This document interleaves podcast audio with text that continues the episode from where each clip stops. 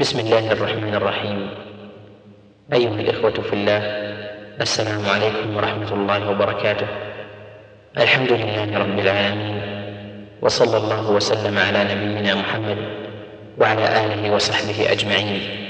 أما بعد يسر إخوانكم في مؤسسة الاستقامة الإسلامية للإنتاج والتوزيع في عنيزة أن يقدموا لكم تسجيلا للقاء الشهري الذي يعقد مع فضيلة الشيخ محمد بن صالح العثيمين في الجامع الكبير بمدينة عنيزة.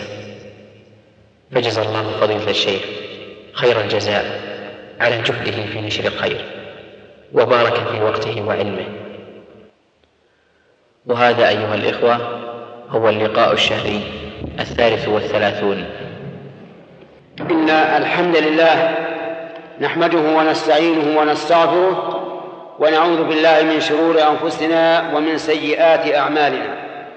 من يهده الله فلا مضل له ومن يضلل فلا هادي له وأشهد أن لا إله إلا الله وحده لا شريك له وأشهد أن محمدا عبده ورسوله. بعثه الله تعالى رحمة للعالمين وقدوة للعاملين وحجة على من أرسله إليهم أجمعين. آتاه من البينات ما على يؤمن ما على مثله يؤمن البشر. هدى به من الضلالة وبصر به من العمى وأرشد به من الغي وفتح الله به أعينا عميا وآذانا سما وقلوبا غلفا فصلوات الله وسلامه عليه وعلى آله وأصحابه ومن تبعهم بإحسان إلى يوم الدين.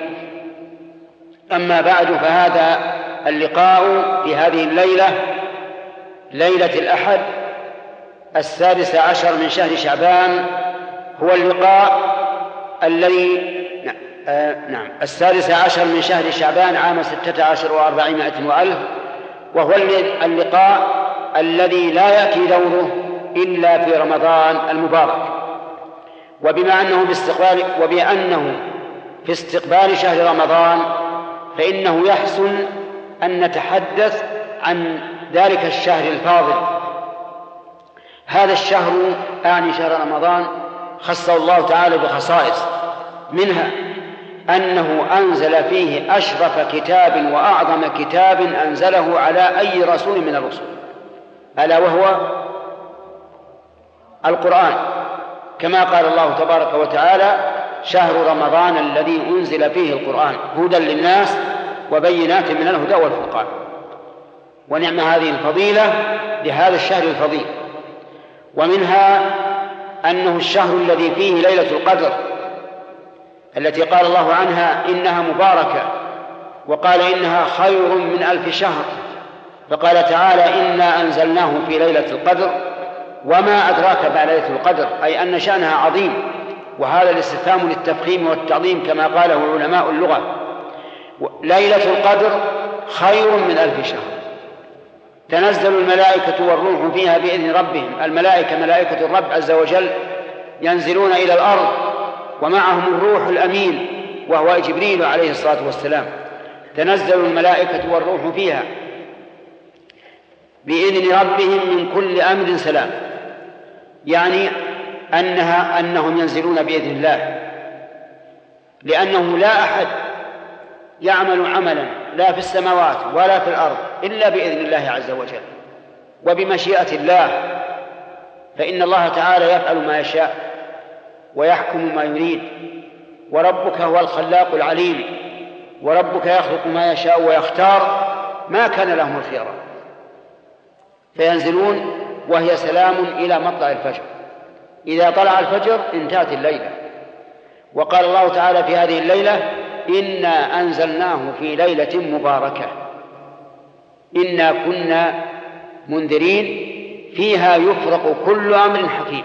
يفرق يفصل ويبين لأنه يكتب فيها ما يكون في تلك السنة. كل أمر حكيم أي كل شأن ذي حكمة لأن كل ما يرتبه الله عز وجل وكل ما يخلقه ويقدره فإنه حكمة. لا تظن أن شيئا يفعله الله إلا وله حكمة. إن نزل الفقر بالعباد فلحكمة. إن نزل الغنى بالعباد فلحكمة. إن أجدبت الأرض وقحط السماء فلحكمة. إن أخصبت الأرض وأمطر السماء فلحكمة. كل شيء يفعله الله فإنه لحكمة. يفرق فيها كل أمر كل أمر حكيم محكم متقن. كل شيء في موضعه أمرا من عندنا إنا كنا مرسلين رحمة من ربك إنه هو السميع العليم. ففي رمضان هذه الليلة المباركة في رمضان تصفد مردة الشياطين. الأشداء منهم أي من الشياطين يصفدون ويغلون ولا يخلصون إلى ما كانوا يخلصون إليه من قبل ولهذا تجد المعاصي تقل جدا من المؤمنين ويقبل المؤمنون على ربهم إقبالا لا يجدون مثله في غير رمضان لماذا؟ لأن الشياطين مردتهم تغل توثق لا يستطيعون الخلاص إلى ما كانوا يخلصون إليه من قبل في في رمضان خصائص منها كما سبق منها ما سبق ومنها أن صومه فرض على جميع العباد بل ركن من أركان إسلامهم لا يتم الإسلام إلا إلا لا يتم الإسلام إلا بصيام شهر رمضان. لو صام الإنسان أحد عشر شهرا من السنة إلا رمضان هل يتم الإسلام؟ أحد عشر شهر. لا يتم إسلامه لماذا؟ لأن الله عين الصيام المفروض في في رمضان وهذا من خصائص هذا الشهر ومن خصائصه أن من قام ليله إيمانا واحتسابا غفر الله له ما تقدم من ذنبه إيمانا بإيش؟ إيمانا بالله عز وجل إيمانا بوعده وتصديقا بخبره واحتسابا لثوابه وأجره يغفر الله له ما تقدم من ذنبه. ولو قام الليلة الليل كله في غير رمضان لم ينل هذا الأجر. بل من قام رمضان إيمانا واحتسابا غفر له ما تقدم من ذنبه. طيب القيام كل الليل أو بعض الليل أو ماذا؟ نقول الأمر والحمد لله واسع. قام النبي صلى الله عليه وسلم ليلة بأصحابه إلى نصف الليل. قالوا يا رسول الله لو نفلتنا بقية ليلتنا لو نفلتنا بقية ليلتنا يعني لو قمت فينا بقية الليلة لأنهم نشطا على الخير قال النبي صلى الله عليه وسلم إنه من قام مع الإمام حتى ينصرف كتب له قيام ليلة. الحمد لله. يعني لو كان قيام الإمام مقدار ساعة فقط من ليل طوله اثنتي عشر ساعة كتب للإنسان قيام ليلة كاملة. ولهذا ينبغي لنا أن نحرص إذا قمنا مع إمام أن لا نفارقه حتى ينصرف. خلافا لبعض العامة مساكين بعض العامة يضيعون أوقاتهم وليالهم بغير بغير فائدة يصلون مع هذا تسليمة أو تسليمتين ثم يذهبون إلى مسجد آخر يصلون معه كذلك ثم مسجد ثالث وهذا خطأ. إذا كنت إذا دخلت مع إمام في صلاة العشاء أثبت حتى ينصرف من من التراويح. من أجل أن يكتب لك إيش؟ قيام ليلة وأنت نائم على فراشك. وأنت تلو مع أهلك. يكتب لك القيام ولله الحمد. هذا من خصائص رمضان. ومن خصائصه أيضا أنه مع كون صومه فرضا وركنا من أركان الإسلام من صامه إيمانا واحتسابا غفر الله له ما تقدم من ذنبه. كالقيام تماما. يغفر له ما تقدم من ذنبه. كل ما تقدم. يغفره الله. يستره عليه. يعفو عنه. ومن ومن فضائل رمضان أن الإنسان إذا صام هل هو يصوم عن الأكل والشرب فقط والنكاح؟ هل يصوم عن الأكل والشرب والنكاح؟ لا هذا عذاب. والله لا يعذب أحدا ولا يريد أن يعذبنا. لكن إذا أمسكنا عن هذا عن هذه الشهوات الأكل والشرب والجماع ابتغاء فضل الله فإنه يكون سببا للتقوى لتقوى الله. لأن من اتقى الله تعالى بترك محبوباته كان تقواه فيما دون ذلك أولى. ولهذا قال عز وجل يا أيها الذين آمنوا كتب عليكم الصيام كما كتب على الذين من قبلكم. أتموا. لعلكم تتقون. هذا الحكمة. ليس حكمة الله عز وجل من الصيام أن يحرمنا الأكل والشرب والنكاح. بل الحكمة أن نتقي الله. ولهذا قال رسول الله صلى الله عليه وسلم مؤكدا ذلك من لم يدع قول الزور والعمل به والجهل فليس لله حاجة في أن يدع طعامه وشرابه. الله غني عنك عن أكلك وشربك وطعامك وعبادتك كل شيء. لا يحتاج الله إليه. لكن من أجل التقوى فرض الله علينا الصيام. نعم. فرض الله علينا الصيام. بأن نتقيه. بأن نفعل ما أمر. ونترك ما نهى عنه. خوفا منه عز وجل. هنا جملة معترضة. يقول سيارة كبرس. وبما أننا في استقبال رمضان. أحب أن أتكلم كلاما يسيرا. ببيان من يجب عليه عليه أداء الصوم. ببيان من يجب عليه أداء الصوم. الصوم يجب أداء على كل مسلم. بالغ عاقل قادر مقيم. خال من الموانع. الشروط كل مسلم بالغ عاقل قادر مقيم خال من الموانع. إذا تمت هذه الشروط الستة وجب أداء الصوم في رمضان.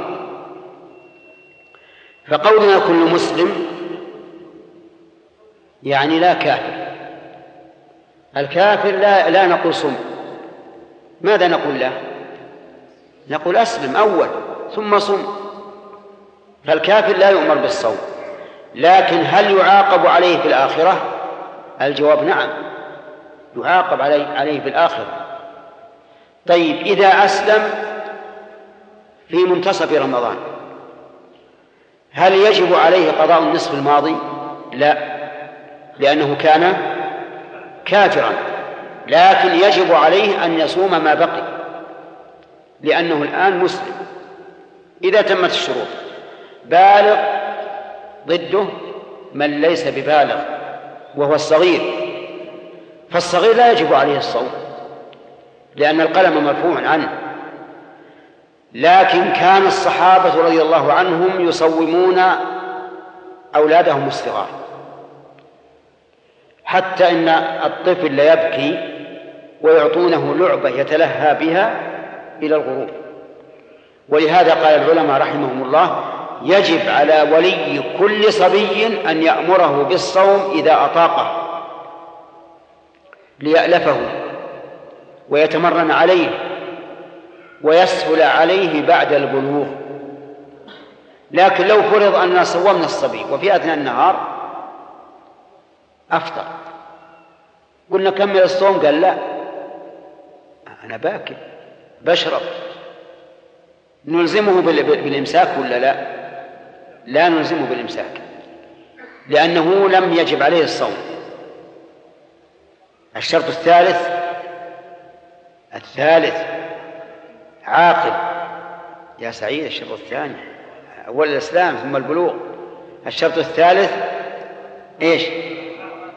العقل عاقل ضد العاقل المجنون الذي لا عقل له.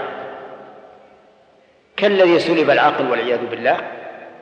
وصار مشدوها أو من بلغ من الكبر عتيا حتى صار لا يميز. حتى صار لا يميز. هذا أيضا ليس عليه صوم.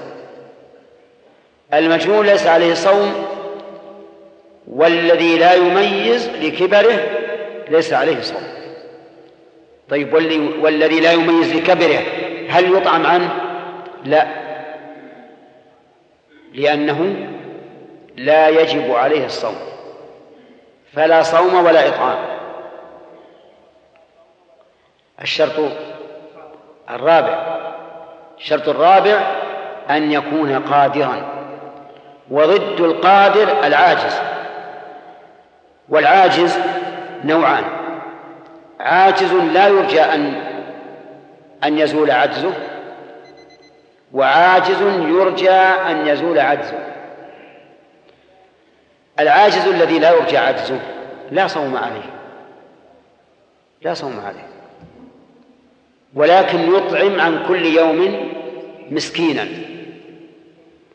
مثل الكبير. الكبير الذي يعجز عن الصوم لكبره لا يرجى زوال عجزه. لماذا؟ عجيب يا جماعة. لأن الكبير لا يمكن أن يعود شابا. كبير. لا يمكن أن يعود شابا فيقدر على الصوم وهو الآن لا لا يستطيع. هذا نقول أطعم عن كل يوم مسكينا وتبرد ذمتك. طيب مثل أيضا أصحاب المرض الذين لا يرجى زوال مرضهم. مثل السرطان نسأل الله العافية. أصحاب الكلى الذين معهم مرض في كلاهم. أصحاب السكر الذين لا يستطيعون أن يصبروا عن الماء. وما ومن أشبههم؟ هؤلاء أيضا عجزهم لا يرجى زواله نقول أطعموا عن كل يوم مسكين. أطعموا عن كل يوم مسكين وتكونون كالذين صاموا. أما العجز الذي يرجى زواله وهو النوع الثاني فهذا نقول له انتظر حتى يزول عجزك ثم اقض ما فاتك. كمريض مرض عاديا كالمريض مرضا عاديا نقول انتظر حتى يشفيك الله ثم إيش؟ ثم اقض. لقوله تعالى ومن كان مريضا أو على سفر فعدة من أيام أخرى. الشرط الخامس أن يكون مقيما وضده المسافر. فالمسافر لا يجب عليه الصوم يعني لا يجب عليه أداء لكن يبقى في ذمته. لقوله تعالى ومن كان مريضا أو على سفر فعدة من أيام أخرى. ولكن هنا نسأل هل الأفضل للمريض أن يصوم أو يفطر؟ نقول إن كان يشق عليه الصوم فالمريء فالصوم في في حقه مكروه. وإن كان يضره الصوم مثل أن يقول الطبيب لابد أن تتناول هذه الحبوب كل أربع ساعات وإلا انتقض مرضك فهنا إيش؟ يحرم عليه الصوم ويجب أن يفطر.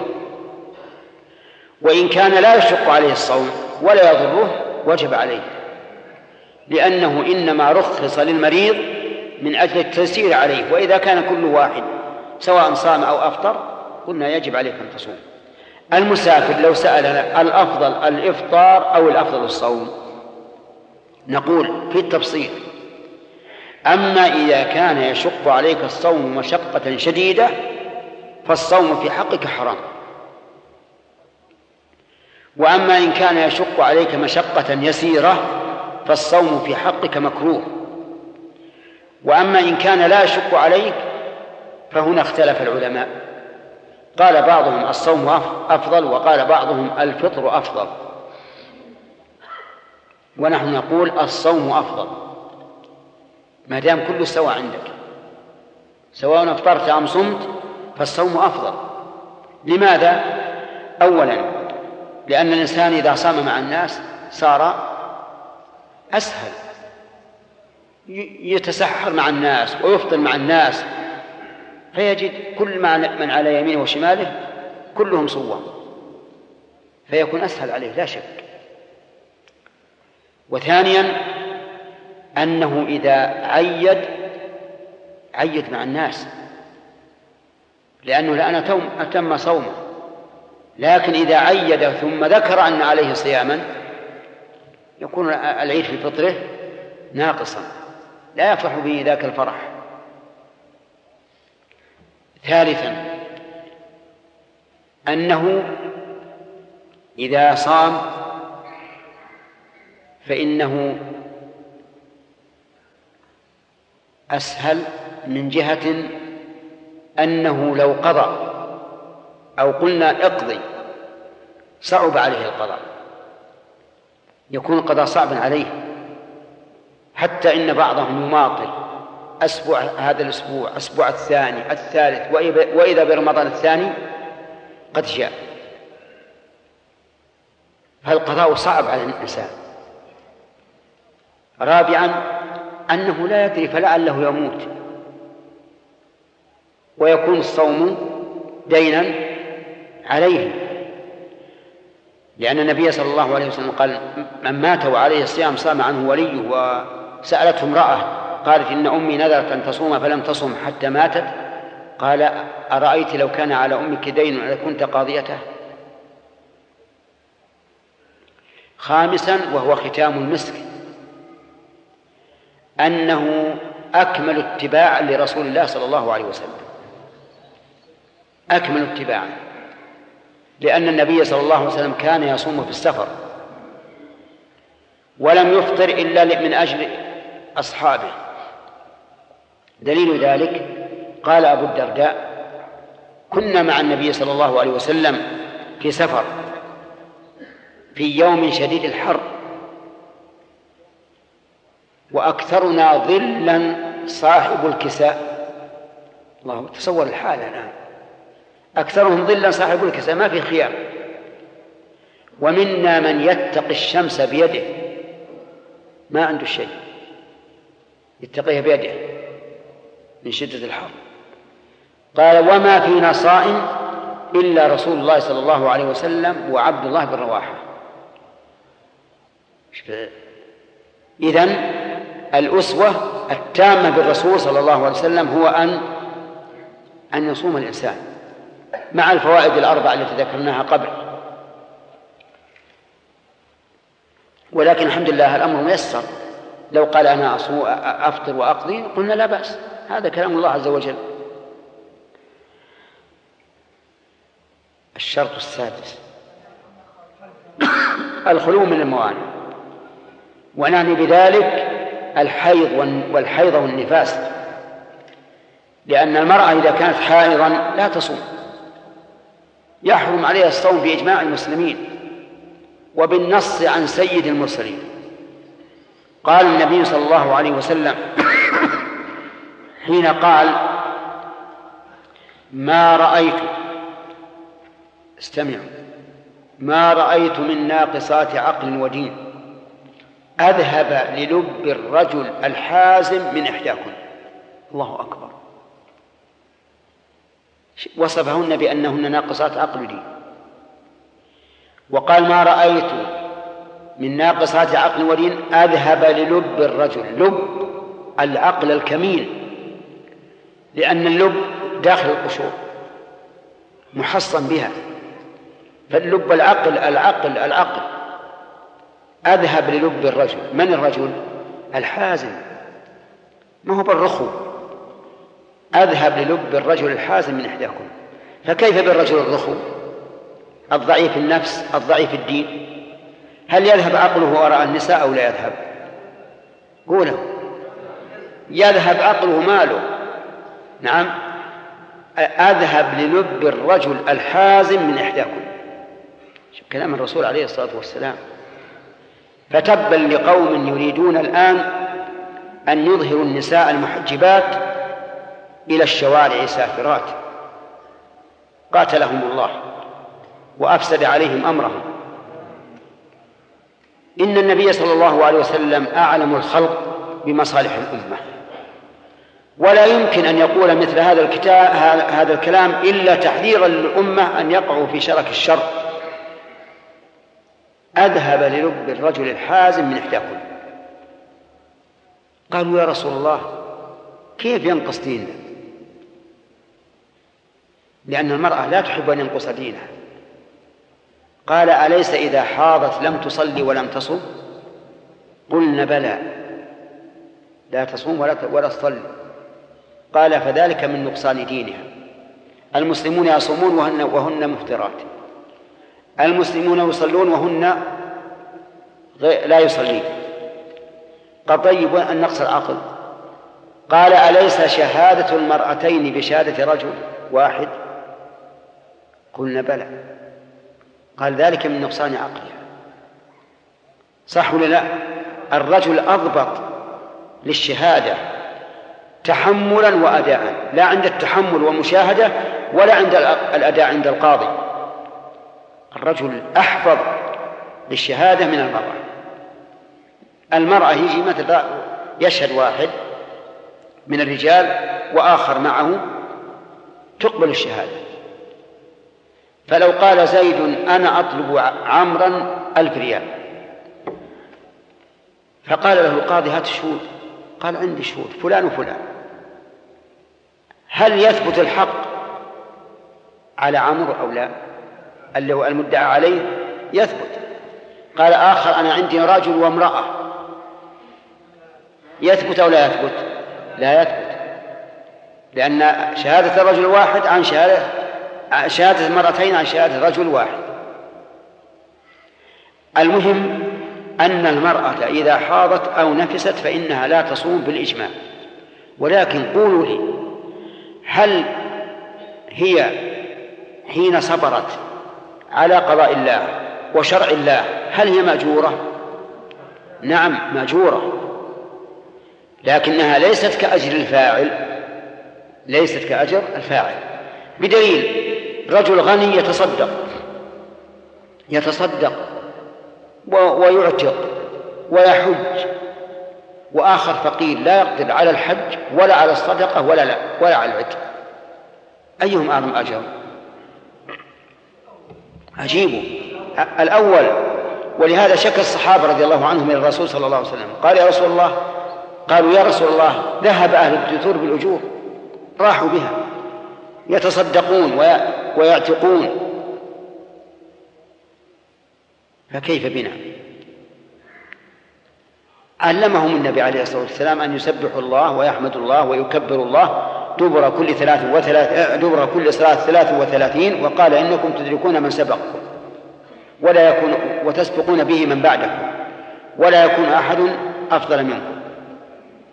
لكن ما قال الرسول عليه الصلاة والسلام إنكم مثلهم في الأجر. فالفاعل ليس كغير الفاعل وإن كان من لم يفعل غير قادر شرعا أو غير قادر حسا. طيب المرأة أقول هل المرأة تثاب على صبرها على حبسها عن الصلاة وعن الصيام في أيام الحيض؟ الجواب نعم. ولهذا لا ينبغي للمرأة أن تتكلف في رمضان وأن تستعمل الحبوب المانعة من الحيض حتى لا تفطر وحتى لا تترك القيام. نقول لا احمد الله. أبق الأمر على طبيعته فهذا أحسن للبدن وأسلم من العواقب وهو شيء كتبه الله على بنات آدم. أم المؤمنين عائشة رضي الله عنها. أفضل زوجات هذه الأمة. لو سئلنا من أفضل زوجات هذه الأمة قلنا عائشة وخديجة رضي الله عنهما. كانت مع النبي عليه الصلاة والسلام في حجة الوداع. معتمرة متمتع بالحج إلى العمرة. كسائر نساء النبي عليه الصلاة والسلام. ففي أثناء الطريق أتاها الحيض فدخل عليها النبي صلى الله عليه وسلم وهي تبكي. لأنك تعرف أن الحائض ما يمكن تطوف ولا تسعى. تبكي قال ما يبكيه؟ أخبرته أنها حاضت. قال لها هذا شيء كتبه الله على بنات آدم. التسلية وعزاء. شيء كتبه الله على بنات آدم يعني ليس خاصا بك. ومعلوم أن الإنسان يتسلى إذا رأى غيره مثله ويتأسى به. شيء كتبه الله على بنت آدم ثم أرشدها ماذا تفعل. الشاهد أننا نقول للمرأة إذا أتاها الحيض في رمضان لا تأسفي لا تحزني لا تبكي. هذا شيء كتبه الله على بنات آدم فدع البدن على طبيعته. أسلم وأقل خطرا من الأمراض ثم إذا أفطرت فاقضي بعد ذلك إذن الشرط السادس ما هو؟ إيش؟ الخلو من الموانع والمانع هو الحيض وإيش؟ والنفاس فالمرأة لو كانت صحيحة قوية قادرة على الصوم في حال الحيض لا تصوم وكذلك في النفاس حتى تطهر. طيب إذا طهرت في أثناء الح... في أثناء اليوم امرأة حاض حائض فطهرت في أثناء اليوم واغتسلت وصلت. هل يلزمها أن تمسك بقية يومها أو لها أن تأكل وتشرب في بقية ذلك اليوم؟ للعلماء في ذلك قولان. وهما روايتان عن عن إمام أهل السنة أحمد بن حنبل رحمهم الله جميعا رحمهم الله جميعا. الإمام أحمد مرة قال تمسك. ومرة قال لا تمسك. أما القضاء فلا بد من القضاء. قضى هذا اليوم الذي طهرت في أثنائه.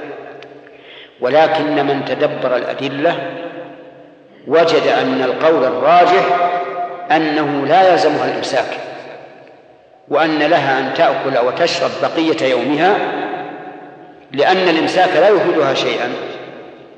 الإمساك لا يفيدها شيئا. هل سيحسب لها نصف يوم؟ نعم. لا. إذا ما الفائدة؟ ما يفعل الله بعذابكم إن شكرتم وآمنتم وكان الله شاكرا عليما. فلا يلزمها الإمساك. ولكن من من الحسن أن يكون أكلها وشربها خفية عن من في بيتها لأنه ربما يظن الصبيان والصغار أن رمضان بالخيار. من شاء أفطر ومن شاء صام. وبالمناسبة أقول إن من خطر الخدم غير المسلمات أن في وجودهن في البيت ضررا على العائلة. ضرر على العائلة. لأن العائلة الصغار يشاهدون أهليهم يصلون يتوضؤون يصومون. وهذه الخادم النجسة لا تصوم ولا تصلي. سيبقى في أذهانهم لأن الصغير لا ينسى. الصغير لا ينسى. ما رآه في صغره ينطبع في مخيلته. يبقى. لا ينسى. فيبقى يتساءل. الصلاة هي واجبة ولا غير واجبة؟ ما الذي حمله على هذا التساؤل أن الخادم لا يصلي. ولا يعرف أن هناك فرقا بين الكافر والمسلم. لكن إذا كان كل من في البيت يصلي ما بقي عنده إشكال. وكذلك كل من في البيت يصوم ما بقي عنده إشكال. إنما الإشكال إذا رأى هؤلاء يأكلون هذه الخادم تأكل تشرب تمرح والأهل صائمون. وهذا من خطر الخدم غير المسلمات. مع أن الإنسان العاقل كيف يرضى أن يكون عدو الله وعدو رسوله وعدو المؤمنين وعدو صاحب البيت موجودا في أحضانه في البيت يأكل ويشرب عنده. والله عز وجل حرم على المشركين أن يقربوا المسجد الحرام. والمسجد الحرام جماد. حرم المشركين أن يقربوه تعظيما لله عز وجل. فكيف ترضى أن يكون النجس عندك في البيت؟ لكن القلوب قست وأبعدت عن ذكر الله وصار الناس يقلد بعضهم بعضا جهلا وعمى والعياذ بالله. ولا يبالون. المهم أن طبخه زين وشيه اللحم زين يعني شوية اللحم زين نعم وغسيل الثياب زين. وفي الصباح والمساء تغسل البيت. هذه وين؟ هذه درة. ولكنها في الواقع بلاء وفتنة. فالحاصل أن هذه شروط من يجب عليه الصوم إيش؟ أداء. آه ما تقول في رجل مريض. يلحقه الضرر بالصوم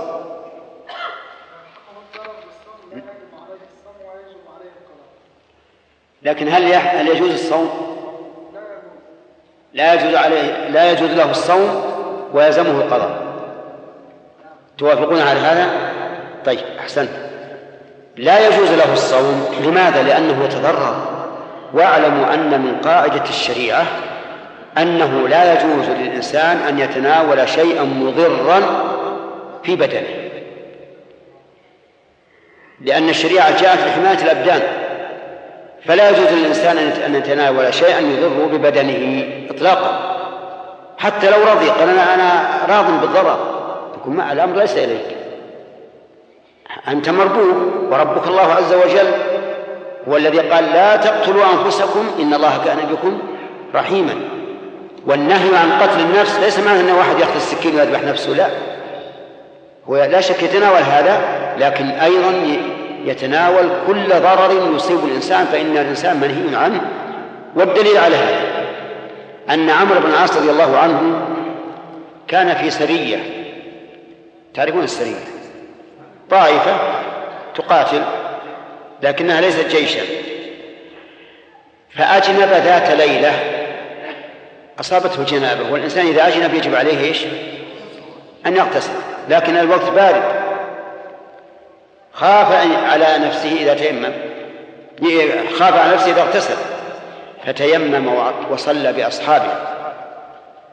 فلما قدموا على النبي صلى الله عليه وسلم قال له أصليت بأصحابك وأنت جنوب قال يا رسول الله. ذكرت قول الله تعالى ولا تقتلوا أنفسكم إن الله كان بكم رحيما. فتيممت. فضحك النبي صلى الله عليه وسلم حتى بدت نواجذه أو أنيابه. إقرارا أو إنكارا؟ إقرارا. ولهذا جاء في الحديث عن الرسول عليه الصلاة والسلام أنه قال لا ضرر ولا ضرار. فإذا كان المريض يضره الصوم فإنه لا يجوز له أن يصوم. حتى لو قال لبضغط على نفسي وبصوم ما لست جالس من بين عباد الله. يقول اجلس يجب عليك. الذي أوجب عليك أن تصوم في حال الصحة أوجب عليك أن تفطر في حال الضرر. وننتهي إلى هنا لأن الوقت انتهى نعم؟ أي نعم. نقف على هنا ونأخذ ما تيسر من الأسئلة. ونسأل الله أن يوفقنا جميعا للصواب وأن يجعلنا ممن يصوم رمضان ويقوم إيمانا واحتسابا إنه على كل شيء قدير. يقول يقول السائل فضيلة الشيخ نقاط مهمة أحب أن يكون لكم فيها لنا نصيحة وتوجيه. رمضان في هذا العام الليل طويل والنهار قصير بارد. ومن المتوقع أن يضيع الليل على الكثير شيبا وشبابا. أما الكبار من الرجال والنساء فإن المسلسلات والأفلام لهم بالمرصاد. إذا طال الليل طالت ونوعت على حب وغرام. وأما الشباب فالبرار والأحواش والدشوش ولعب البلوت والورق. أرجو من فضيلتكم بسط الجواب. عسى الله أن ينفع بكم عباده. الجواب على هذا السؤال أن واقع هذا السؤال مؤلم. أن يفني الإنسان عمره في مثل هذه الأمور. سواء في رمضان أو غير رمضان. إنني أقول لو أن إنسانا فقد درهما واحدا من ماله لصار يبكي عليه ويطلبه ولو أنه ضاع له في الحساب خطأ درهم واحد لذهب يكرر الحساب مرة بعد أخرى حتى يعرف أين كان هذا الدرهم. أليس كذلك؟ ما لا شك أن هذا هو الواقع عند كثير من الناس أو أكثرهم. وهؤلاء المساكين يضيعون ساعات العمر التي اللحظة منها أفضل من الدنيا كلها. اللحظة منها. إذا لم يصرفها الإنسان في طاعة الله فهي خسارة. خسارة لا تؤول. المال يمكن أن يؤول. يتجر الإنسان ويربح أو يموت له قريب غني ويرث. لكن العمر لا يعوض أبدا. إذا فات منه لحظة أبعدتك من الدنيا وأقربتك من من الآخرة. ويدلك على أن العمر أغلى من المال كله أن أن الله قال في كتابه حتى إذا جاء أحدهم الموت قال ربي ارجعون لعلي أعمل صالحا فيما تركت. هذا المال الذي أفنى عمره به يطلب من الله أن يرجع ليعمل بهذا المال صالحا. ولكن أنى ذلك. قال الله تعالى كلا يعني لم ترجع. ثم أكد عز وجل أنها كلمة حق. قال إنها كلمة هو قائلها. الله أكبر. يقولها الإنسان لو إن لم يسمع يمكن من عنده لا يسمعونه لكن هو قائلها ولهذا جاءت الجملة اسمية. لم يقل إنها كلمة يقولها قال كلمة هو قائلها بالتأكيد. ولكن لا تنفع.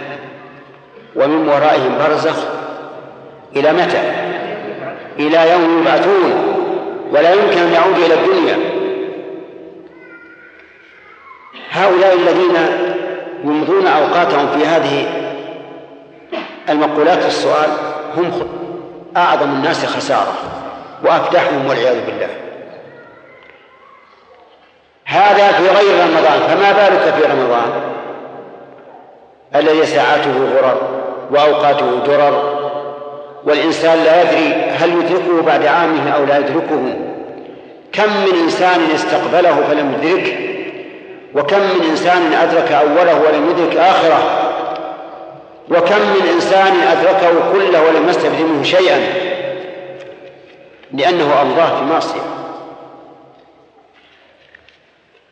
الله أكبر. السلف الصالح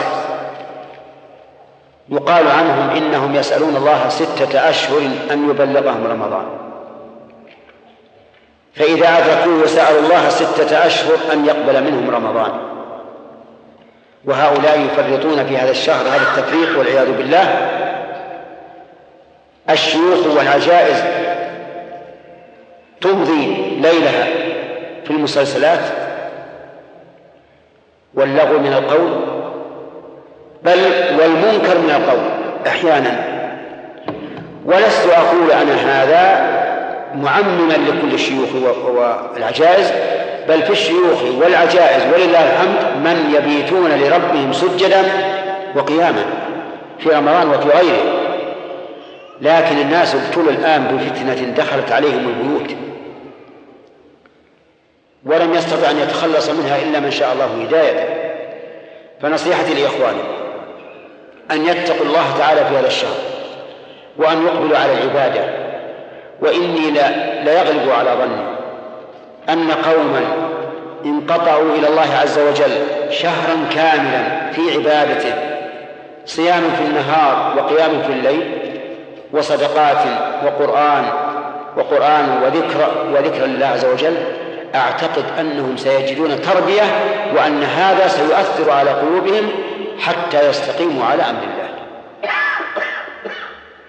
الله الله يا أخوان أوصي نفسي قبلكم وأوصيكم أيضا بأن ننتهز هذه الفرصة العظيمة. نعم. يقول السائل فضيلة الشيخ نحن في في هذه الأيام نعيش فصل الشتاء وهو موسم أمطار ولقد حدث في مسجد حينا أن أما الناس في صلاة الظهر أحد الإخوة وهو يصلي بالناس كان المطر يتساقط وبعد أن انصرف من صلاته شاور الجماعة ما تقولون؟ أنجمع صلاة العصر مع الظهر؟ وبعد أن كرر ذلك ثلاث مرات أجابه أحدهم بأن يتوكل على الله ويجمع. سؤالي ما هو رأي فضيلتكم في جمع صلاة العصر مع الظهر؟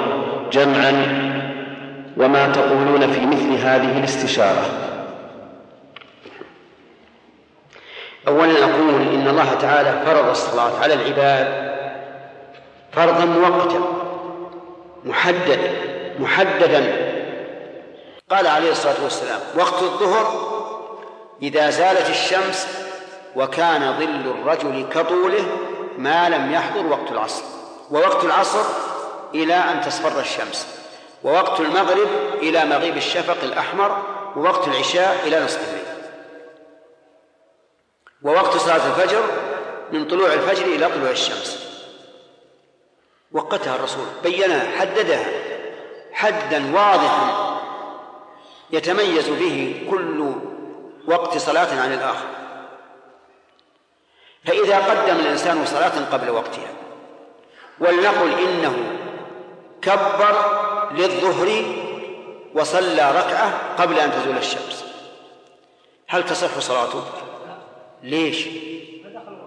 ما دخل الوقت. فصلاها قبل أمر الله ورسوله بها. وقد ثبت عن النبي صلى الله عليه وعلى آله وسلم أنه قال من عمل عمل ليس عليه أمرنا فهو رد أي مردود غير مقبول. الله عز وجل يقول صل لي بعد زوال الشمس. وأنت تروح تصلي له بعد قبل زوال الشمس؟ سبحان الله. العصر. متى يدخل وقتها؟ إذا صار ظل الرجل كطوله دخل وقتها هذا رجل صلاها مع الظهر. هل تقبل؟ لا تقبل. لا تقبل. لقول النبي صلى الله عليه وعلى آله وسلم من عمل عملا ليس عليه أمرنا فهو رد. لا تقبل بأي حال من الأحوال. إلا بعذر شرعي قام عليه الدليل. إلا بعذر شرعي.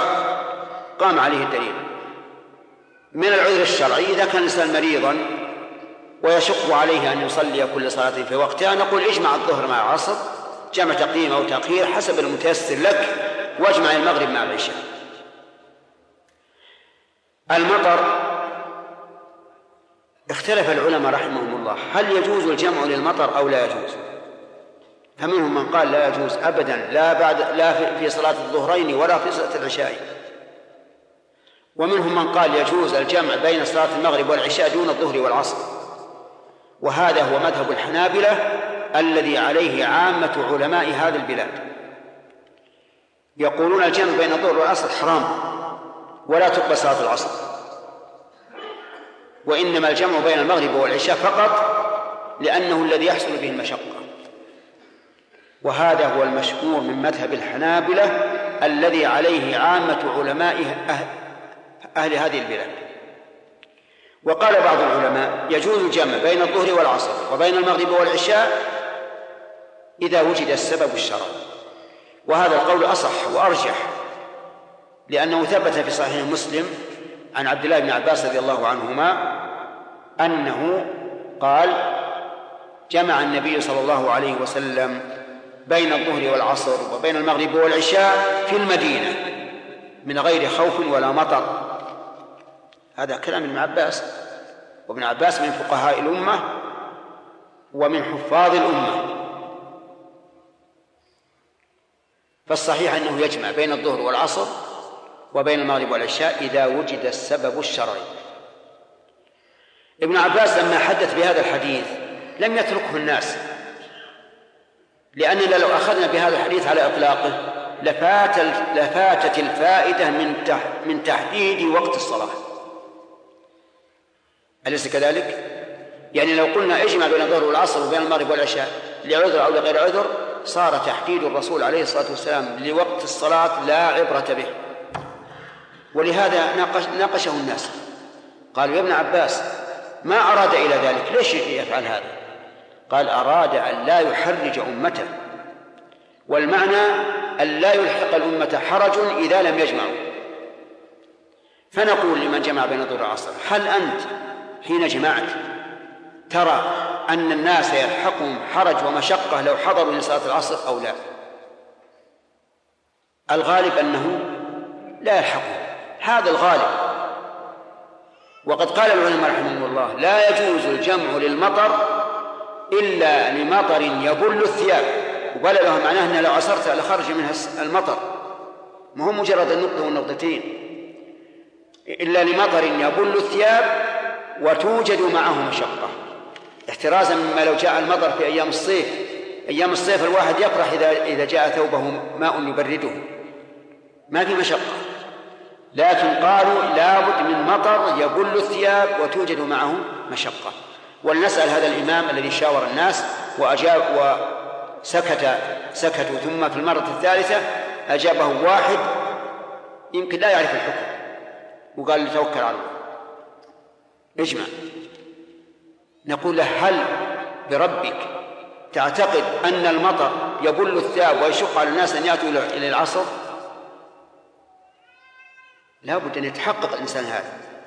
وأما التلاعب بدين الله وبعض الناس أدنى نقطة يقول يلا من غير خوف ولا مطر. هكذا قال ابن عباس هكذا في صحيح مسلم. طيب. لا تكن كالذي قال فويل للمصلين وسكت. لم يقل بعدها.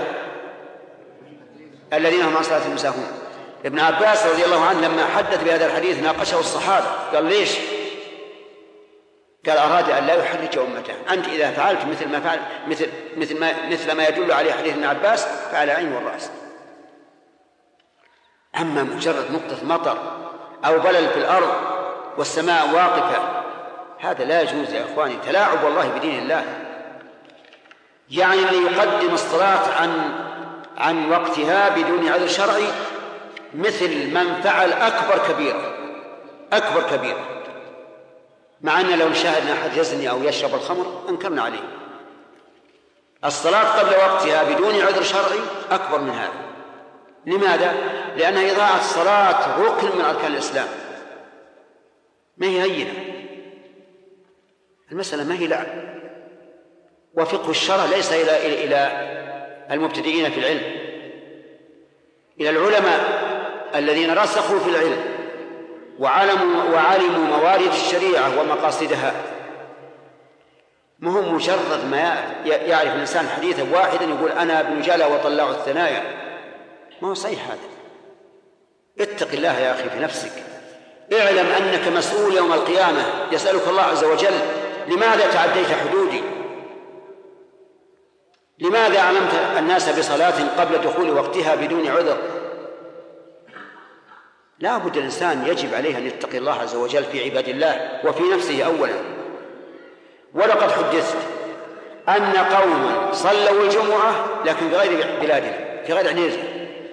صلوا الجمعة وصلوا معها العصر. شوف الجهل المركب. جهل مركب إلى أبعد الحدود. من قال إن الرسول جمع بين بين العصر والجمعة؟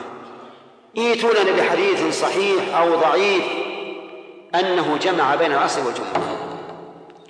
وقياس الجمعة على الظهر خطأ لأن بينهما من الفروق. ما يمتنع معه القياس. الفروق بين الجمعة والظهر أكثر من عشرين فرقا. الجمعة صلاة مستقلة بوقتها وشروطها وأحوالها ومكانها. كل البلاد يمكن أن تصلي الجمعة تصلي الظهر في كل مسجد. أليس كذلك؟ بل يمكن أن يصلي أهل المكاتب في مكاتبهم. على قول بعض العلماء. لكن الجمعة يجب أن تكون في مكان واحد في البلد إلا للضرورة.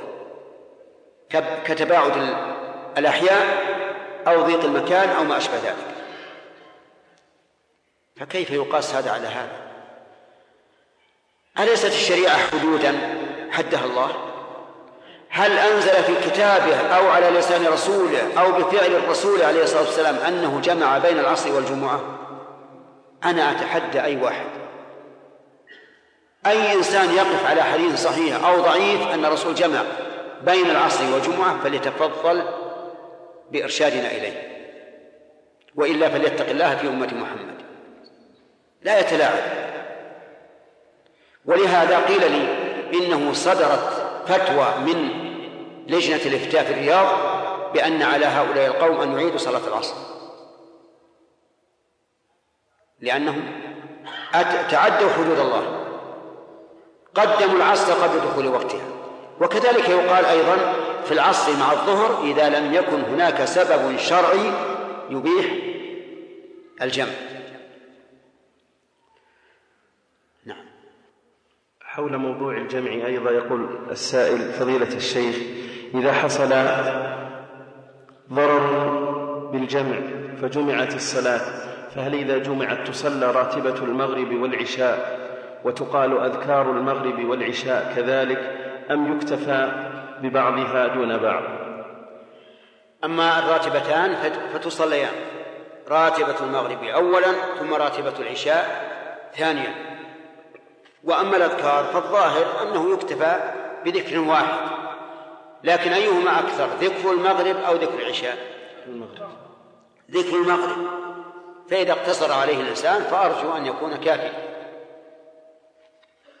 نعم يقول فضيلة الشيخ أنا مدين لعدة أشخاص. هل أذهب إلى مكة للصيام فيها مع أولادي مع أن أجرة السكن سوف نتقاسمها سوف أتقاسمها أنا وأولادي؟ إنني أسأل سؤالا هل الصدقة أفضل أو الزكاة الواجبة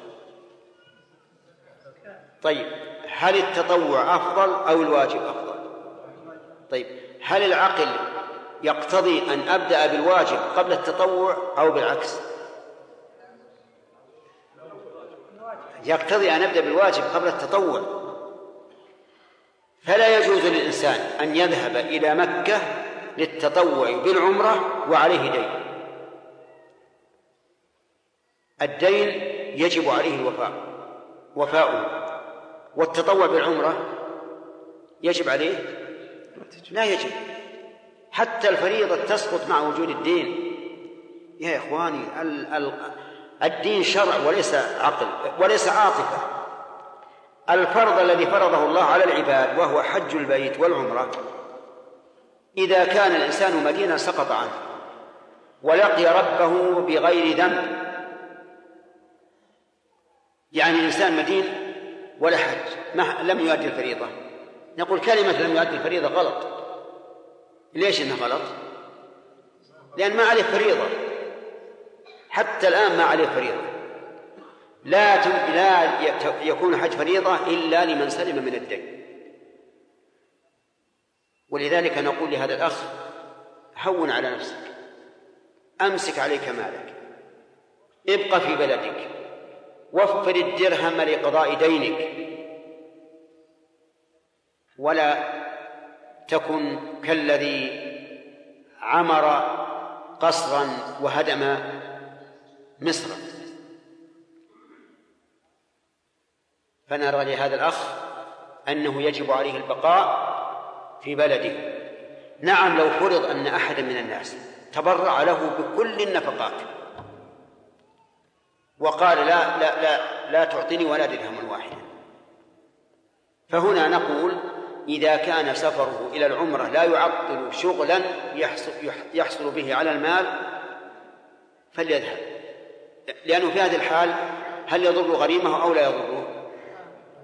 ما أدري والله عارفين ولا لا؟ قال له شخص أنا أعرف أن عليك عشرة آلاف ريال وأعرف أن الدين يجب تقديمه على التطوع لكن تفضل معي. أنت وأهلك مجانا من حين تركب حتى تركب هل له أن يذهب معه؟ هنا نقول إذا كان صاحب عمل وكان غيابه عن عمله ينقص من تحصيله فلا يذهب. أما إذا لم يكن صاحب عمل وأن ذهابه معه لا, لا ينقصه شيئا فلا بأس أن يذهب معه. نعم. هل يفرق بين إذا كان الدين حالا أو غير حال؟ نعم يفرق بين كون الدين نعم لا يفرق بين كون الدين حالا ولا مؤجلا كل واحد. إلا إذا كان مؤجلا وهو يعرف من نفسه أنه إذا حل الأجل فهو قادر على الوفاء فلا بأس. كرجل موظف عليه دين يحل بعد شهرين مثلا ويعرف أنه إذا حل الدين فهو قادر على الوفاء فحينئذ نقول اذهب لأن بقاؤه في بلده لا يغني الغنيمة شيئا. يقول السائل فضيلة الشيخ ما رأيك بمن يذهب بعائلته إلى مكة لأداء العمرة ويترك أبناءه يمضون في الشوارع وهو لا يصلي بل حتى نساؤه يتسكعن في الأسواق بين الرجال وهو يصلي في الحرم لكن ليس له دخل بهم هل هو مأجور أو آثم؟ أقول وأقول عن عقيدة مبنية على أصل إنه آثم وليس بمأجور لماذا؟ لأنه أهمل أمرا حمله الله إياه لأمر ليس بواجب ما الذي حمله الله؟ رعاية أهله قال الله تعالى يا أيها الذين آمنوا قوا أنفسكم وأهليكم نارا. وقال النبي صلى الله عليه وسلم الرجل راع في أهل بيته ومسؤول عن رعيته. أين أين تحميل الله عز وجل أن نقي أنفسنا وأهلينا نارا؟ وأين الرعاية التي حملنا إياها رسوله صلى الله عليه وسلم؟ والإنسان يجلس في المسجد الحرام. مع ما فيه من الشدة والضيق ومشاهدة النساء وغير ذلك وأولاده الذكور والإناث يتسكعون في الأسواق أين أين أين الرعاية؟ أين الأمانة؟ فأقول إنه آثم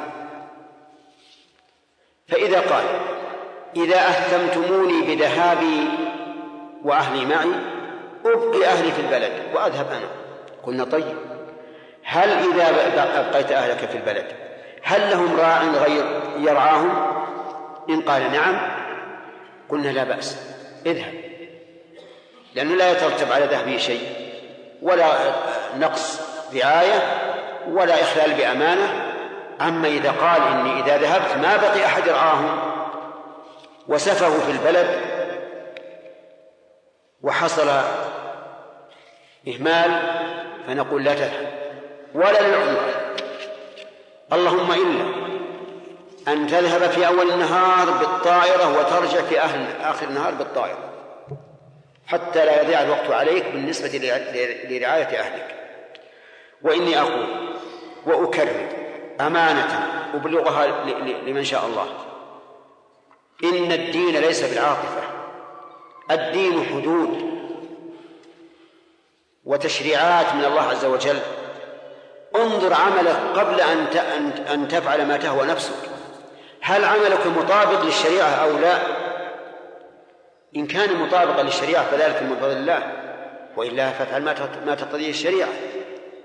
لو كان الدين بالعاطفة لكان جميع أهل البدع على إيش؟ على حق. لكانوا على حق. لأن هذا هو الذي تمليه عليه عاطفتهم. الصوفية يقول هذا أعلى رتب الإيمان. والمعطلة لأسماء الله وصفاته يقول هذا أعلى رتب التنزيه. والممثلة يقولون هذا أعلى رتب الامتثال. وهلم جرا. لكن الدين شرع محدد من قبل من؟ من قبل الله ورسوله. فإذا كان كذلك فليس كل ما يروق لي ويدخل مخي ويتحلاه ذوقي يكون شرعا. ما هو صحيح. المشركون حينما يشركون هل هذا ذوق لهم أو اتباع؟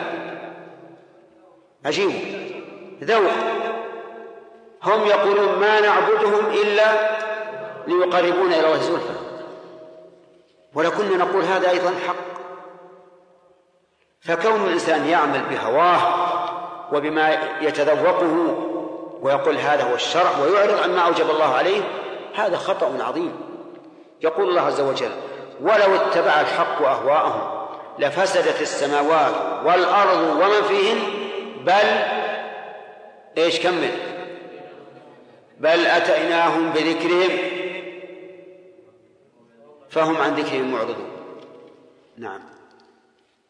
يقول السائل فضيلة الشيخ ذكرت في أول اللقاء أن النبي صلى الله عليه وسلم أخبر أن من صام رمضان إيمانا واحتسابا غفر له ما تقدم من ذنبه. فهل يشمل هذا الكبائر والصغائر وحقوق الآدميين؟ أرجو التفصيل وفقك الله. الحديث هكذا جاء عاما غفر له ما تقدم من ذنبه. وما. اسم موصول من صيغ العموم. تقتضي أن جميع الذنوب مغفورة. ولكن هذا العموم مخصص بأدلة أخرى. وهي أنه لا بد من اجتناب الكبائر. الدليل قال النبي صلى الله عليه وسلم الصلوات الخمس. والجمعة إلى الجمعة والثالث رمضان إلى رمضان. ويعني برمضان إلى رمضان صيامه وقيامه. ورمضان إلى رمضان مكفرة مكفرات لما بينهن ما اجتنبت الكبائر. انتبه ما اجتنبت الكبائر. وعلى هذا فيكون هذا العموم مخصوصا بالسنة بقول الرسول عليه الصلاة والسلام. رمضان إلى رمضان مكفر لما بينهما إيش؟ ما اجتنبت الكبائر. فلا تطمع يا أخي فيما, لا فيما ليس لك ولا تيأس مما, ليس مما هو لك. أن تصوم رمضان إيمانا واحتسابا وقم رمضان إيمانا واحتسابا وأبشر بالخير. نعم.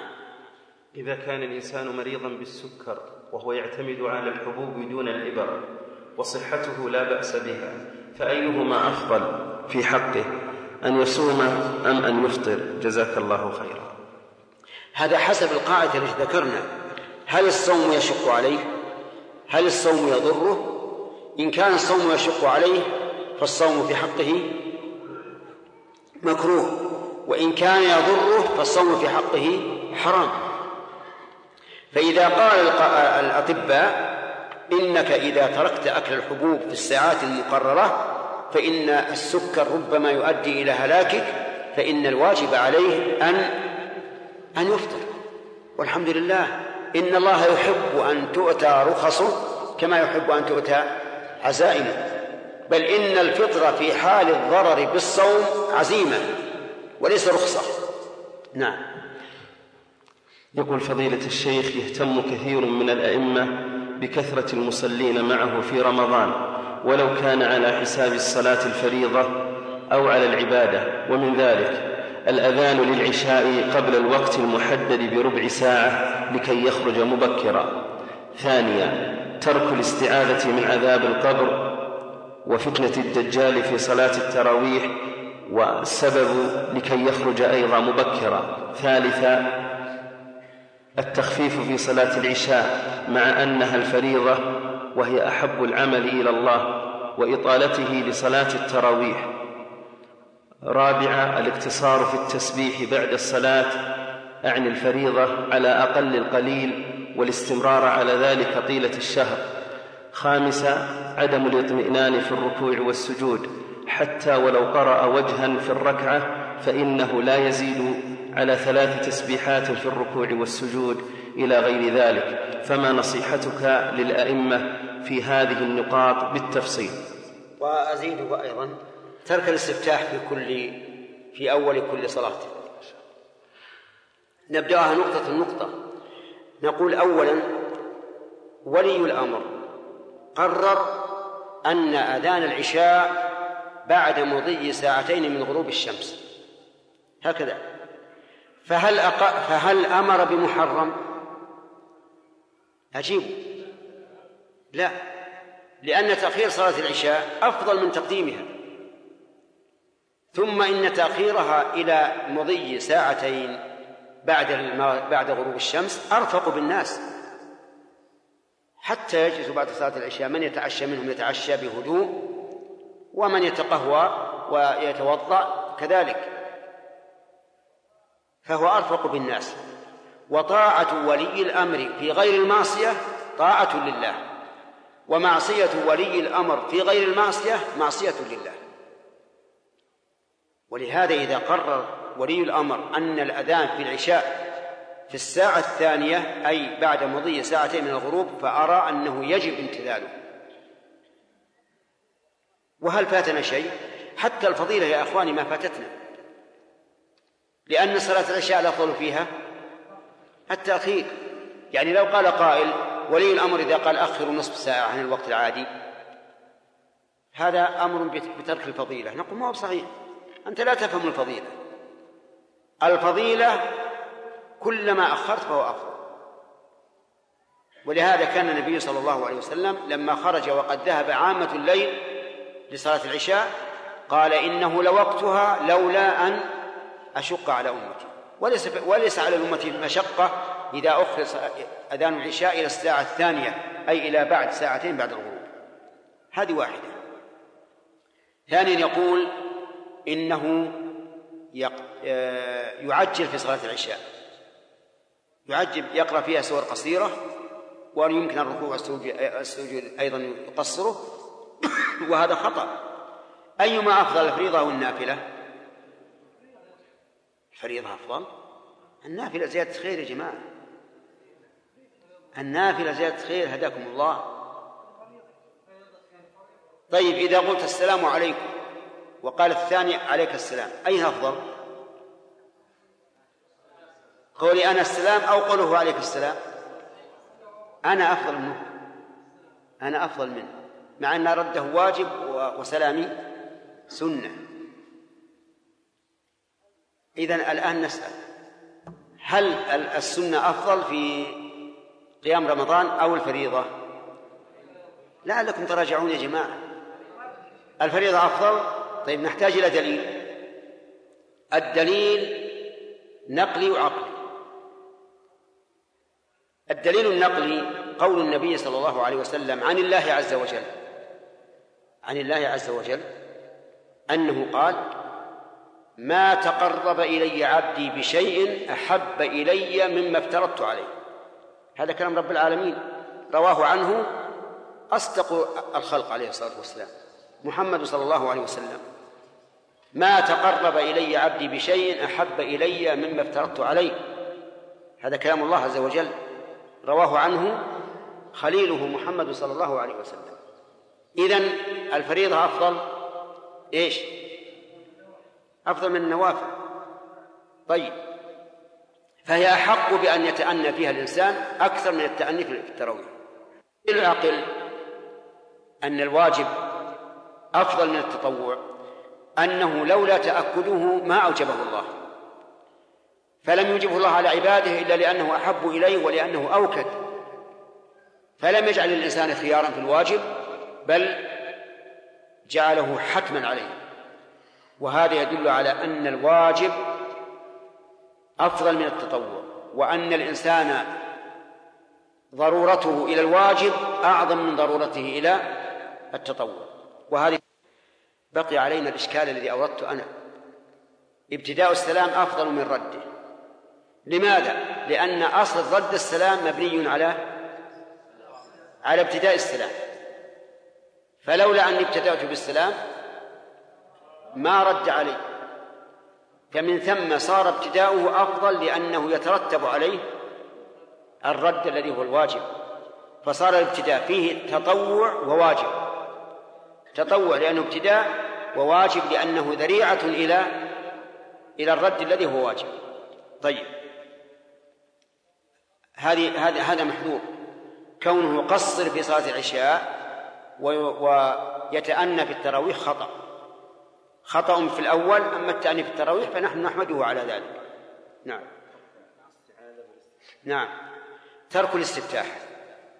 أكثر الذين يصلون التراويح يستفتحون في أول تسليمة فقط والباقي لا. سبحان الله. لماذا تترك الاستفتاح؟ أليست الصلاة الثانية التسليمة الثانية مستقلة عن الأولى؟ نعم. بلى. لو بطلت الثانية لم تبطل الأولى. مستقلة عنها تماما. فإذا كانت مستقلة عنها فإن المشروع في الأولى يكون مشروعا في الثانية. فكما أن الاستفتاح مشروع في التسليمة الأولى فهو مشروع في التسليمة الثانية. وأيضا آه، يتركون الاستعاذة. وهي أعوذ بالله من عذاب جهنم ومن عذاب القبر ومن فتنة المحيا والممات ومن فتنة المسيح الدجال. وأزيد على ذلك. أن بعضهم يترك بقية الصلاة الإبراهيمية. إذا قال أشهد أن لا إله إلا الله وأشهد أن محمدا عبده ورسوله اللهم صل على محمد السلام عليكم. فقط ما يكملون ولا الصلاة الإبراهيمية. سبحان الله يا أخي إحنا جايين نتعبد الله.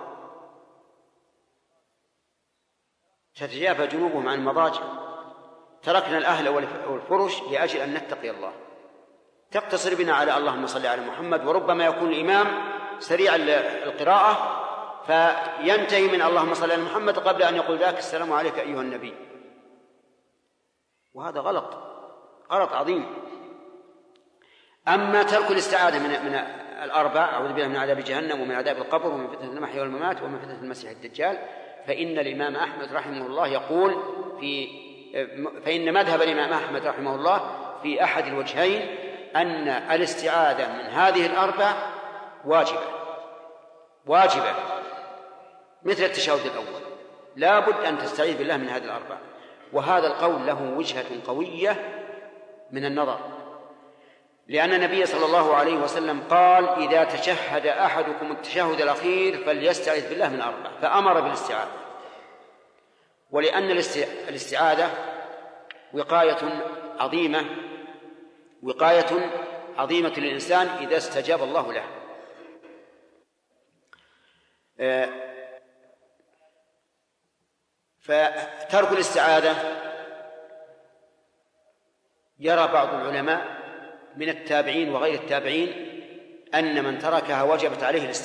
وجب عليه إعادة الصلاة ولهذا لم أمر طاووس وهو أحد التابعين المشهورين أمر ابنه لما ترك الاستعاذة من عذاب جهنم من عذاب جهنم ومن عذاب القبر ومن فتنة المحيا والممات ومن فتنة المسيح الدجال أمر ابنه أن يعيد الصلاة.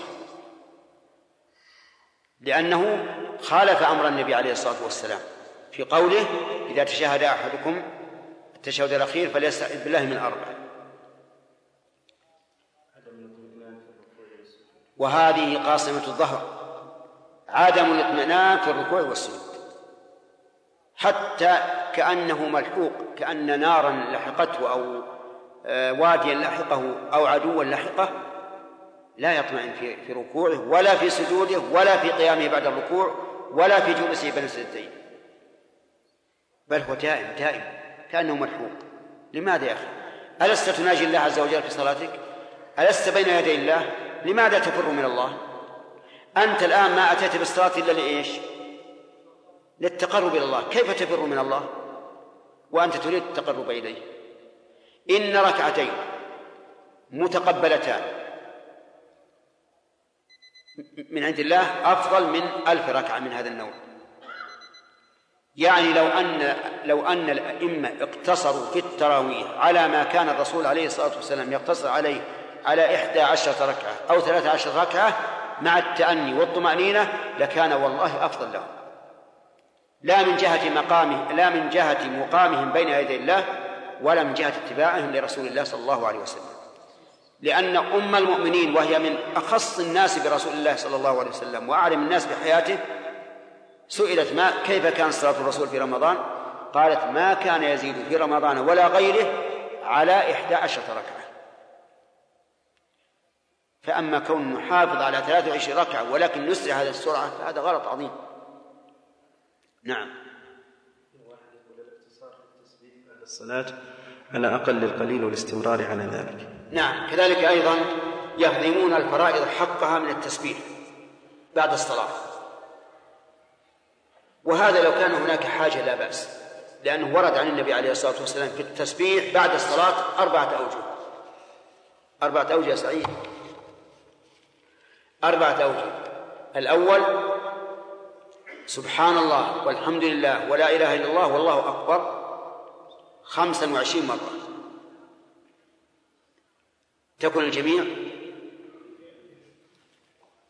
تكون الجميع. سبحان الله والحمد لله ولا إله إلا الله والله أكبر. مئة مرة. يكون الجميع؟ قولوا يا جماعة. مئة مرة. طيب.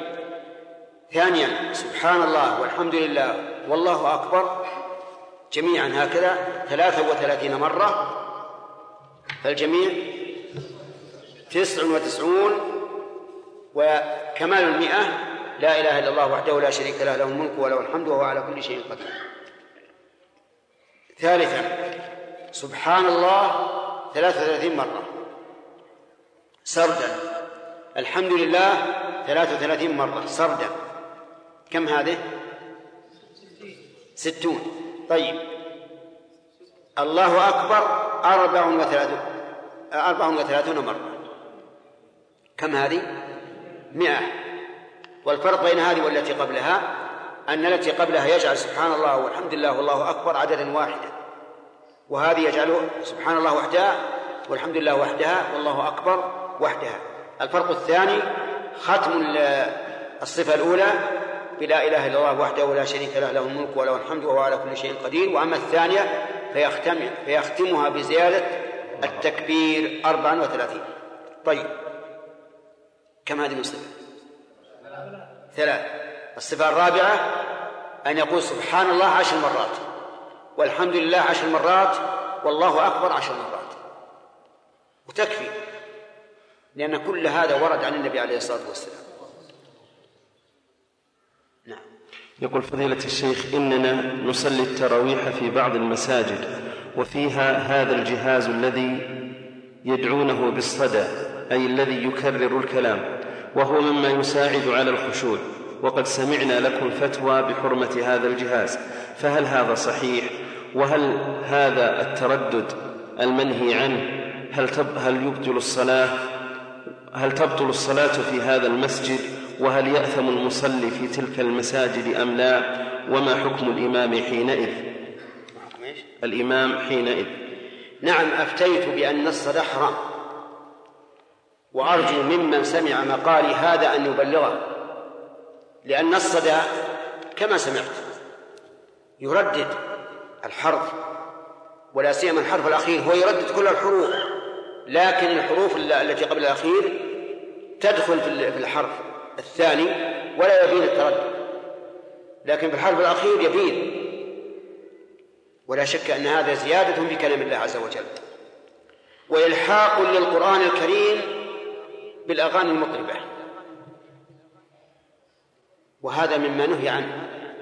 وذمه السلف. السلف ليس عندهم هذا لكن يقولون إن الإنسان إذا جعل نغماته في القرآن الكريم كنغمات الأغاني فإن ذلك منهي عنه.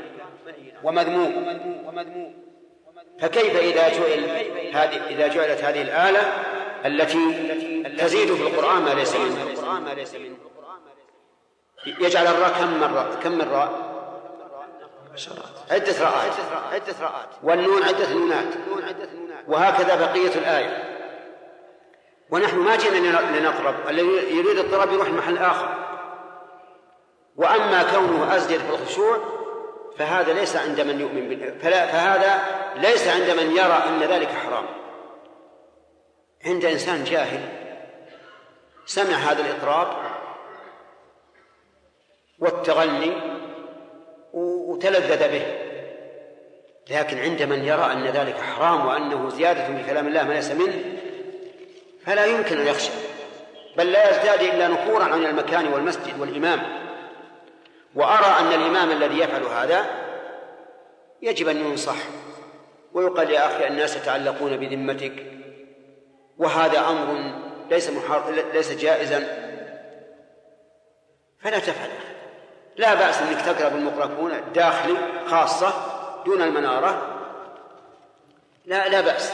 إذا كان هذا أبين لصوتك وأهون لك أنت لأن الإنسان في التراويح إذا لم يكن صوته قويا جدا ربما يزداد يعني في رفع الصوت فيتكلف ويشق عليه. فإذا جعل المكبر مكبر الصوت مكبرا عاديا أعانه على ذلك. هذا لا بأس لكن من شرط أن لا يكون في المنارة. نعم. قولكم بشرط. انتهى الوقت. أقول قولكم بشرط الصدى أم الميكروفون يا شيخ؟ إيش؟ بشرط أن يكون في الداخل إي نعم. بشرط أن يكون مكبر الصوت بلا صدى. الصدى يقطع سلكه على طول. نعم. ويبعد في الحال. نعم. يقول فضيلة الشيخ من المعلوم أن أنكم قد ذكرتم أن في التقويم بعض التقديم بعض الدقائق.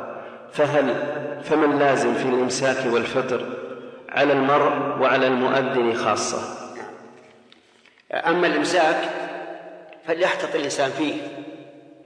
بمعنى لا يؤذن قبل الوقت. إذا قال والله دخل الوقت أو ما دخل نقول انتظر حتى يغلب على ظنك أو تتيقن أن الوقت دخل. لأن النبي صلى الله عليه وسلم قال إن بلالا يؤذن بليل فكلوا واشربوا حتى يؤذن ابن أم مكتوم فإنه لا يؤذن حتى يطلع الفجر. لا يؤذن حتى يطلع الفجر. قال الراوي وكان ابن أم مكتوم رجلا أعمى لا يؤذن حتى يقال له أصبحت أصبحت. تأن يقال للمؤذن تأن يا أخي. لا تحرم عباد الله ما أحل الله لهم. الإنسان قد أحل الله له أن يأكل ويشرب إلى متى؟ حتى يتبين الفجر حتى يتبين الفجر. فلا تحرم عباد الله. لا تقول أبدن قبل وقت بخمس دقائق علشان احتياط. ثم إنك إذا احتطت من جهة الصيام أخللت بالاحتياط من جهة الصلاة. والصلاة أهم. الصيام أباح الله لنا أن نأكل حتى يتبين الفجر. والصلاة نهانا أن نصلي حتى يتبين الفجر. فأنت لو احتطت للصيام وقعت بالخطأ بالنسبة للصلاة. والصلاة أهم لأنه كم من امرأة أو مريض في البيت ينتظر الأذان وبمجرد ما يؤذن يقوم ويصلي فربما يصلي قبل الوقت وتكون أنت الذي تحملت هذا الإثم. نقول انتظر. في الغروب يحتاط أيضا. لا يؤذن حتى يرى الشمس قد غابت. أو يغلب على ظنه أن الشمس قد غابت. يعني مو لازم يتيقن غيوب الشمس. إذا غلب على ظنه أن الشمس قد غابت فلا بأس. وأظن أن التقويم مع الساعة المضبوطة أظنه في الغروب لا بأس به. لكن في الفجر مقدم خمس دقائق بالتأكيد. خمس دقائق ما في إشكال عندنا أن فيه تقديم. لكن في الغروب الظاهر أنه على الصواب. ف ولكن لا بد أن تكون ساعة المؤذن إيش؟ مضبوطة. بعض الناس بعض المؤذنين ساعاته مخرطة تغر. ربما تقدم من يوم يشوف الساعة خلاص أذن. وهذا لا بد أن يحتاط. فيحتاط الإنسان في الفجر ويحتاط في في الغروب ويضبط ساعته تماما. والحمد لله الآن ضبط الساعة سهل. أنا سمعت أن أن التلفون فيه رقم معين. تضغطه تسعة ويبين لك الساعة كم؟ تسعة ستة. تسعة. ستة واحد. يقول أخ حمود الشيخ حمود يقول تسعة ستة ستة واحد. واحد اضرب هذا وتعرف إنه أذن ولا ما أذن؟ دخل الوقت ولا ما دخل الوقت؟ نعم. مضبوط إن شاء الله. هذا هذا هو الظاهر لأنه لأن هو هذا ما ساعة الإذاعة وساعة التوقيت كله. هي مضبوطة لا شك إنها أضبط من ساعة اللي اللي بدأ الإنسان. يقول فضيلة الشيخ تسعة نحن ستة واحد. تسعة ستة واحد. طيب. كما يعلم فضيلتكم بأن عطلة الربيع في هذا العام ستكون خلال شهر رمضان المبارك مما يترتب على ذلك خروج الناس إلى البراري وتخييمهم فيه مما يحصل فيه ما يحصل. فما الذي تنصح به من توزيع الأشرطة والكتيبات وما نصيحتك للناس بعامة؟ هل إذا جاءت إجازة الربيع حتى في رمضان الخروج إلى البراري. سنة لهم الخروج إلى. البراري. هانت المسألة. استغلال هذا. الشيء طيب. الواقع أن ال ال ال أن الأمر كما قال السائل. ستصادف إجازة نصف السنة إجازة نصف السنة هذا العام في رمضان. ولكن هل الخير أن أخرج إلى البر للنزهة وإضاعة الوقت؟ وربما يحصل من الكلام واللغو ما لا ينبغي في هذا الشهر المبارك. أو الأفضل أن أن, أن أكون في في بلدي. أتعبد لله وأنتهز هذه الفرصة. لا شك أن الثاني أفضل. أن الثاني أفضل. ولكن الأول مباح مع الإتيان بما لا بد منه من واجبات وترك محرمات. وفي هذه الحال ينبغي لإخوتنا الدعاة إلى الله عز وجل أن يختاروا بعض الرسائل القصيرة أو الملف الملفات أو يسمونها المطويات أو الشرائط التي تدعو إلى مكارم الأخلاق ومحاسن الأعمال حتى يوزعها على هذا فلعل الله يفتح عليه نعم جزا الله فضيلة الشيخ خير الجزاء ونفعنا بعلمه وجزاه عنا أولا وآخرا وصلى الله وسلم وبارك على عبده ورسوله محمد. في ختام هذه المادة نسأل الله أن نلقاكم في لقاءات متجددة. مع تحيات مؤسسة الاستقامة الإسلامية للإنتاج والتوزيع في عنيزة. شارع هلالة رقم الهاتف والناسخة الهاتفية صفر ستة ثلاثة ستة أربعة ثمانية ثمانية ثمانية صفر. والرقم الثاني صفر ستة ثلاثة ستة أربعة خمسة ثمانية ثمانية صفر. ورقم صندوق البريد اثنان وخمسمائة وألف.